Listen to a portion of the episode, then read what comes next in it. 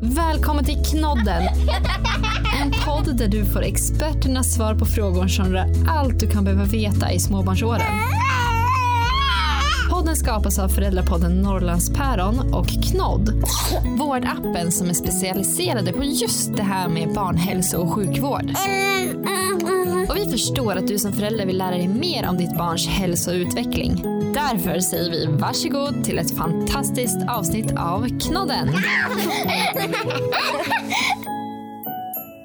Hej Johan! Hej Anneli! Välkommen tillbaka till ett nytt superspännande avsnitt av Knodden. Ja, men man tackar. Kan inte du berätta för oss vad vi faktiskt ska prata om idag? Jo, idag ska vi prata om någonting som kan vara lite känsligt, lite läskigt och både för föräldrarna och för barnen. Och många gånger så tror jag att det är mest läskigt för föräldrarna och eh, minst läskigt för de som faktiskt har tagit på sig ansvaret att, att bistå med den här lilla uppgiften som vi ska gå in på idag.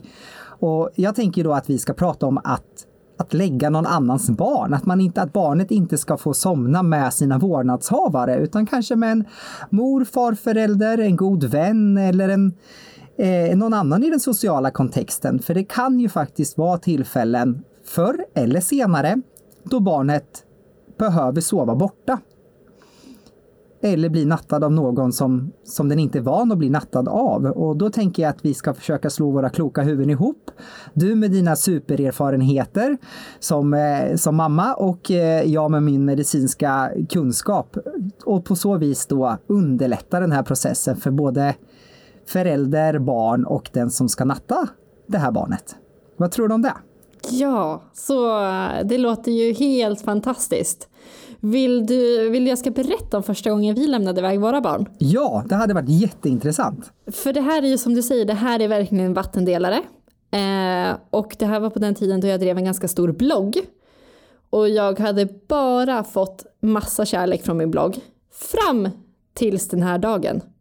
Då vart eh, det High Chaparral i mitt kommentarsfält över att jag lämnade bort mina barn.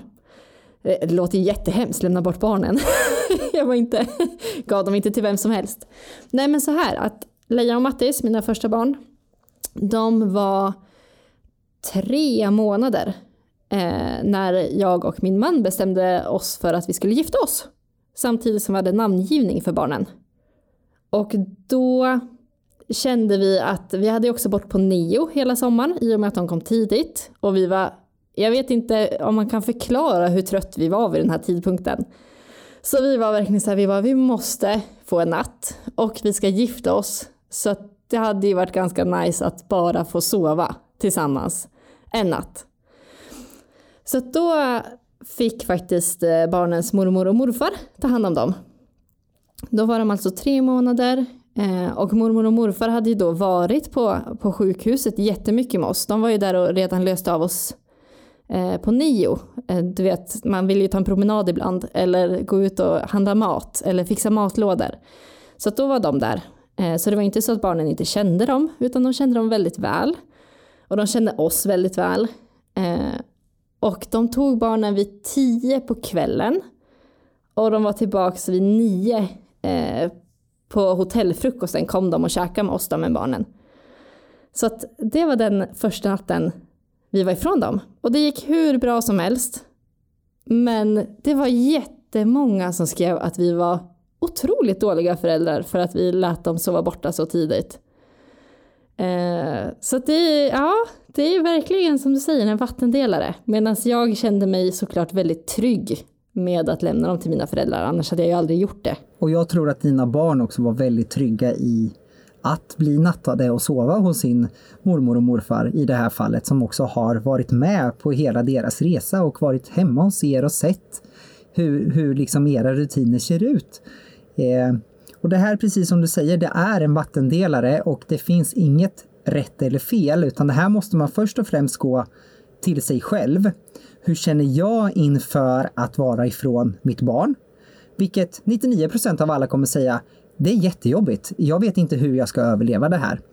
Men så har vi den där lilla procenten som är kvar att ibland måste man faktiskt göra det. Man måste låta barnet sova borta av en eller annan orsak. Det kan komma en plötslig händelse i livet som gör att man måste åka bort och barnet inte kan följa med.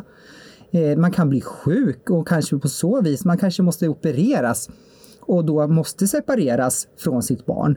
Så att det här som jag tänker vi ska prata lite om idag, det är det finns inget rätt eller fel i det hela. Men det finns gånger då det här är oundvikligt. Och hur gör man det då på bästa sätt? Och jag tycker att ni hade en väldigt god plan och väldigt rimlig tidsaspekt av det hela för, det, för de här två små, små barnen.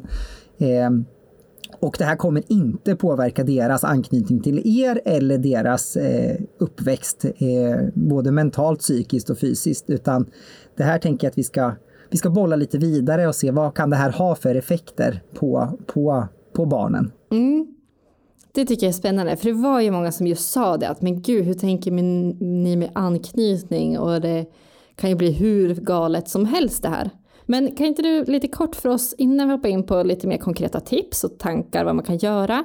Eh, kan du inte bara berätta vad är anknytningsteorin och vad, vad betyder det egentligen? Ja, det finns ju olika personer, alla är utdöda idag, som har då skapat olika liksom olika teoretiska ramar om vad anknytning är och hur barnet och den föräldern knyter an till varandra.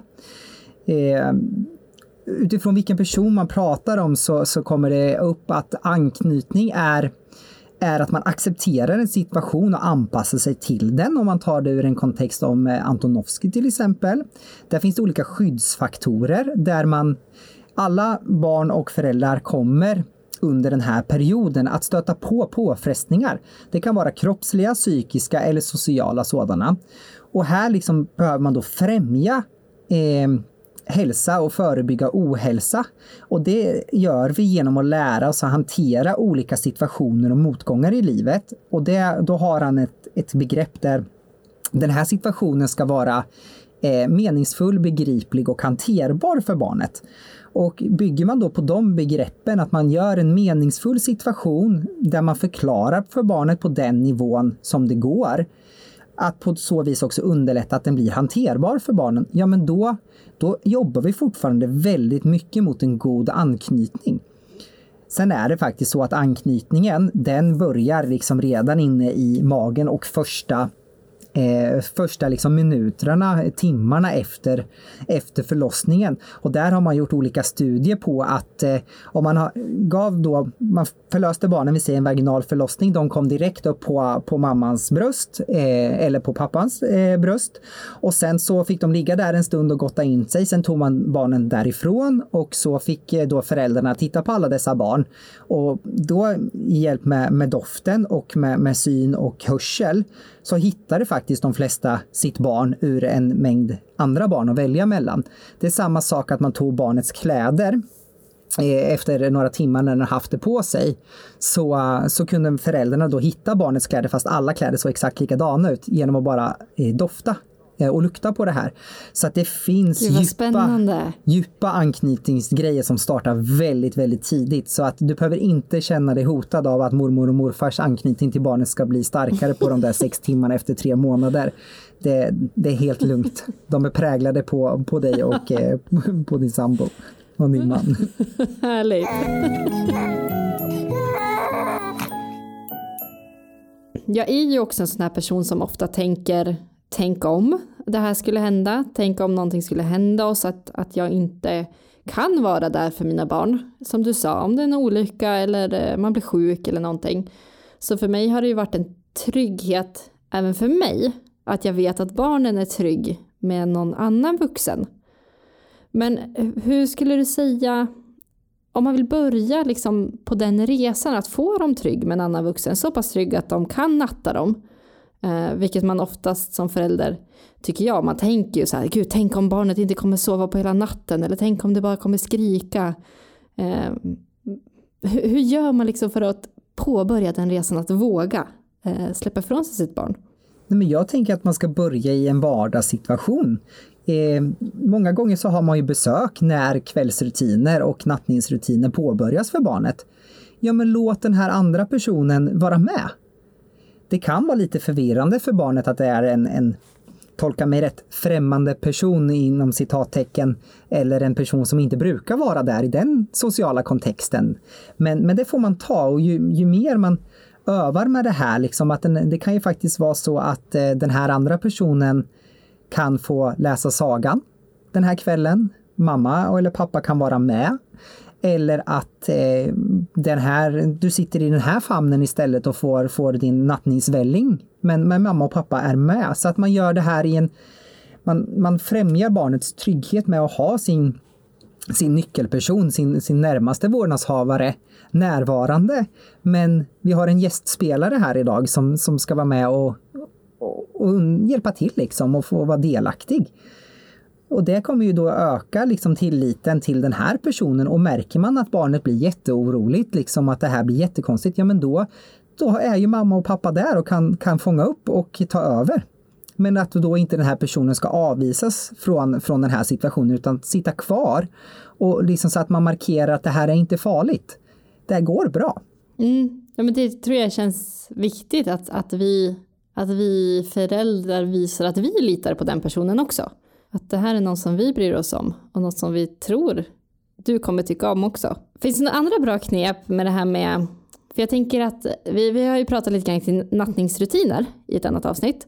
Och då gick vi igenom det här med eh, tryggheten och ljud och doft och sådana grejer. Finns det något där man kan göra för att underlätta? Absolut. Eh, och, och, som jag var inne lite på i den här forskningsdelen att eh, eh, att man kan bygga med, med olika sinnen. Jobba med, med, med alla sinnen. Eh, och framförallt det vi ser också som är starkt i anknytningsteorier som är liksom lite delen och det har ju du också berättat eh, kring nattningarna att det här med att ge barnet mat är ju någonting som är väldigt, väldigt djupt etablerat inom oss. Vi vill kunna ge barnet mat. Så den här kvällsvällingen, även om den kanske är någonting som är i utslussnings eh, delen i, i en nattningsrutin så kan den vara bra att ta till när man ska nattas av en ny människa för att det blir ett, ett band, liksom. En, man stärker ett band och skapar en trygghet. Att den här personen ser till mitt behov och eh, eh, man känner in liksom hjärtfrekvens, lugn, röstläge, man pratar med barnet, man ser dess signaler. Så, så nattningsmåltiden kan vara ganska, ganska bra start. Sen tycker jag att man ska försöka hålla sig till en så lik eh, vardagssituation som möjligt i nattningen. Eh, gärna att föräldrarna, att man har varit med, från, som vi sa, att man har varit med liksom och sett hur, hur en nattning kan gå till. Men också att man, eh, man kan ju höra sig för, hur brukar ni göra på natten? Och så, så berättar då vårdnadshavaren att vi brukar göra så här. Eh, det brukar funka, det här funkar inte. Men där återigen som vi tryckte på i förra avsnittet att det är individuellt.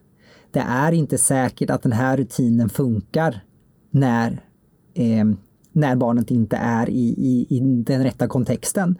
Och då får man frilansa och skapa en, en nattningsrutin som fungerar när man till exempel sover hos mormor och morfar. Mm, exakt. Och där tänker jag att det också blir, det, det blir ju kul, eh, för, för så är det verkligen när vi kommer hem till min mamma och pappa eh, och när barnen ska sova där, att de har ju lite andra rutiner. Även fast jag i början, liksom första gångerna där, skrev världens lista med hur du ska hantera mina barn. så var det inte alltid det funkade, men de, de löser det på sitt sätt och nu har ju de fått egna rutiner som de verkligen ser fram emot med att komma till mormor och morfar och få sova där. Eh, eller farmor eller farfar eller kusiner. Alltså, jag tror att det också är viktigt att säga, ja men det här är grunderna, testa det för att det ska vara lättare för er. Men sen så kanske det kommer fram andra frön som funkar bättre eh, med andra människor.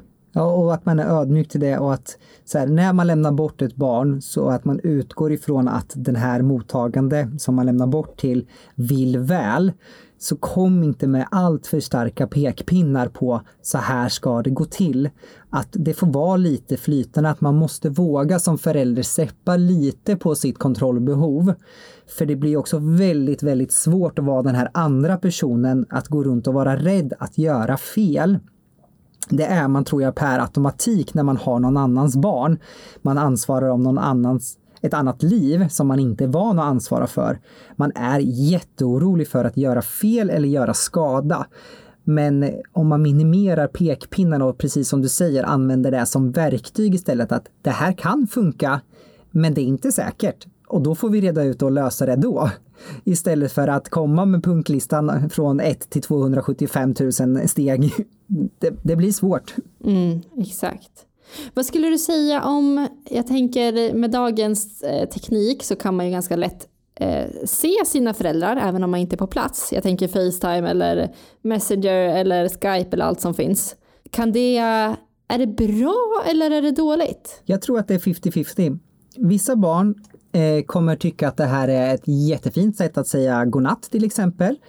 Eh, och jag tror att då ska man då lägga in det här momentet med ett Facetime-samtal till exempel tidigt i nattningen. Precis som när du presenterar eh, vid middagsbordet vem som ska natta eh, vem, om det blir mamma eller pappan som ska natta ikväll, så barnet hinner liksom suga på karamellen och, och bearbeta det, så tror jag samma sak där, att man inte kör ett FaceTime-samtal när man ligger i sängen och lampan är precis ska släckas liksom, för då, då tror jag att det lämnas ett tomrum och mycket tankar liksom till att reflektera, vad gör mamma och pappa nu och så vidare. Så att den här visuella delen kan komma tidigt i nattningen. Eh, och det kan ha god effekt. Att man vet att mamma och pappa mår bra och att vad de gör just nu och sådär. Det kan vara en trygghet. Medan för vissa andra barn så tror jag att det här kan vara helt motsatt effekt. Det här skapar bara oro liksom och, och ångest att mamma och pappa inte är med mig. Så att där får man känna in vad man har vad barnet har för behov och vad man tror liksom det här kommer falla ut i. Om det blir en positiv eller en negativ aspekt av det hela. Mm, verkligen. Och där kan jag känna bara på våra barn att det kan vara gång till gång. Det är ju någon gång då de liksom har ringt och då nästan kommer de på att vi är borta. De har liksom nästan lite grann glömt bort det och så blir de påminda att nej men mamma och pappa är inte här. Och så blir de ledsna. Eh, och nu har vi liksom börjat checka av innan istället, istället för att vi har det som ett måste, för det var väl så från början, så här, men vi vill gärna säga godnatt. Ja men det är klart, men ibland så får vi ett sms att så här, nej men det flyter på så himla bra här, så vi ringer imorgon bitti istället. Um, och då, då är ju det bättre. Medan ibland så ringer de och säger att de vill ringa och säga godnatt. Och då är det liksom oftast på deras, eh, nu när de är lite större och kan liksom uttrycka det, det är på deras eh, villkor. Att nu, nu vill de bara säga godnatt och se så vi har det bra. Då får de göra det. Då får man göra det, ja. Man får se till vad, vad har jag för barn framför mig. Ja men exakt. Och att det, det som funkar en gång behöver inte funka varje gång. Så är det också. Som precis med all nattningsrutin. exakt. Det här, om man vill lämna bort den till någon nära och pröva det här med att den ska sova tillsammans med någon annan. Finns det någon vinning i att vara hemma, eh, alltså hemma hos barnen? Eller är det bättre att de är eh, hos, hos den andra? Jag skulle säga att det är en jättestor vinning för att då är ju barnen i sin trygga miljö. Vi pratade om det här med deras sovplats till exempel. Och eh, är de i en känd miljö så genererar det trygghet. Så absolut om, om personer kan komma till barnets hem och vara där så, så har vi kommit en bra bit på väg i, i att skapa en trygghet för barnet som de kan slappna av och somna i. Och har man inte den möjligheten att faktiskt barnet ska eh, sova fysiskt någon annanstans, ja men då kanske man kan ta med barnets eh, säng, om det, man har en resesäng eller ett näste till exempel. Eh, eller som att man, alltså vi pratar ju om det här man kan jobba med sinnena. Vi kan inte lura skulle jag inte vilja kalla det, men vi kan underlätta och skapa trygghet för barnet genom att de har med sig sin, eh, sin snuttefilt som de känner sig eh, eh, trygga med eller att eh, man har med sig en tröja eh, eller no någonting som, som luktar föräldrar. Liksom. Det skapar också en trygghet och då kan barnet liksom tröstas med det. Detsamma gäller liksom rösten. Att eh, använda det här med, återigen, ha, ha den vagg Vaggvisan som man brukar spela i, i sin vardagsrutin, den kan man också ta med sig till nästa plats för att skapa trygghet. Eller att man, eh, man kanske har eh, en liten videofilm med föräldrarna. Det behöver ju inte vara av någon specifik karaktär hos det lilla barnet utan det kan ju bara vara att få höra föräldrarnas röst liksom. Eh, så att det skapar också en trygghet som de kan somna till. Exakt. Hur skulle man, jag tänker om, om man börjar känna signaler från barnet att det ja, men att den är övertrött eller att det, den är lite orolig. vad, vad kan man göra då? Jag skulle säga att man ska vara ganska snabb på att svara på när barnet börjar bli trött. Med spinn på de, de effekterna liksom, för allting blir mer hyper när barnet blir övertrött. Alla känslor slår i taket, eh, alla input slår i taket. Så påbörja liksom att svara på barnets signaler tidigt när man inte är liksom är den primära, den som brukar lägga barnet, utan att man när barnet är trött, ja men då svarar vi på det och då, då gör vi det här liksom på bästa möjliga sätt eh, för att barnet ska då somna när det faktiskt är trött. Mm. Och om jag har en, eh, en farmor som ringer och säger att, eh, att barnet inte somnar, att den kanske fortfarande är vid bra humör men att den bara inte vill somna. Eh, ska man göra någonting då? Eller är det någon skillnad om de ringer och säger att barnet är ledset och inte somnar för att det är ledsen? Ska vi liksom skynda dit eller? Ja, är barnet eh, tillfreds i sin situation så, så ser inte jag några hinder. Alltså, det är som, som för oss, om vi eh, tar in på hotell och ska sova i en främmande säng i ett främmande rum. Det är inte alltid att vi sover så fantastiskt som vi faktiskt hade hoppats på, utan vi kanske har en vaken natt. Mer eller mindre, eller vi sover så ytligt så vi känns som vi är vakna. Eh, så att eh, är barnet tillfreds eh, och vi har svarat på, på barnets signaler, den kan ju också ha, ha gråtit i perioder. Men det kanske var så enkelt som att det var blöjan en gång, den var hungrig en gång, den ville ha nappen fyra gånger. Ja, då kanske man ändå får se att vi hade en bra natt under omständigheterna. För en bra natt behöver ju inte vara att barnet sover från den går och lägger sig tills man går upp på morgonen.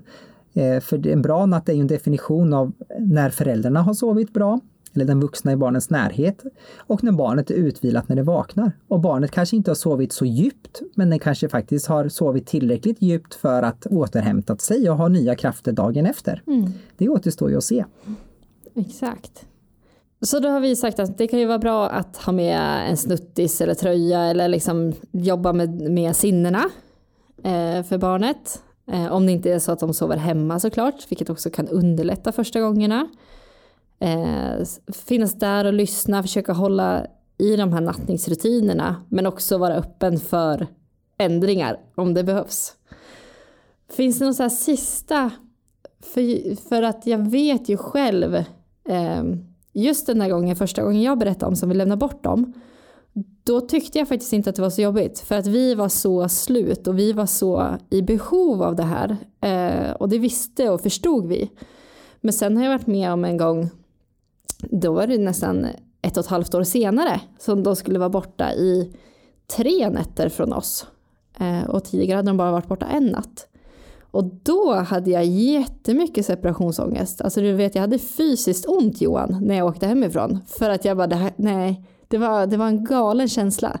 Så att jag vill bara säga det att även om jag lämnar bort mina barn tidigt eh, så förstår jag också de här som har den separationsångesten. Och hur ont det gör i en själv och hur många tankar man tänker. Tänk om det här händer eller gud jag gör fel nu. Tänk, tänk om det skulle hända något och jag är inte där. Eh, finns det något, vill du skicka med någonting till oss föräldrar som, som kämpar med det här? Jag vill återigen skicka med att den här personen som tar det här ansvaret om någon annans barn, den kommer göra det med 200 procents insats, minst.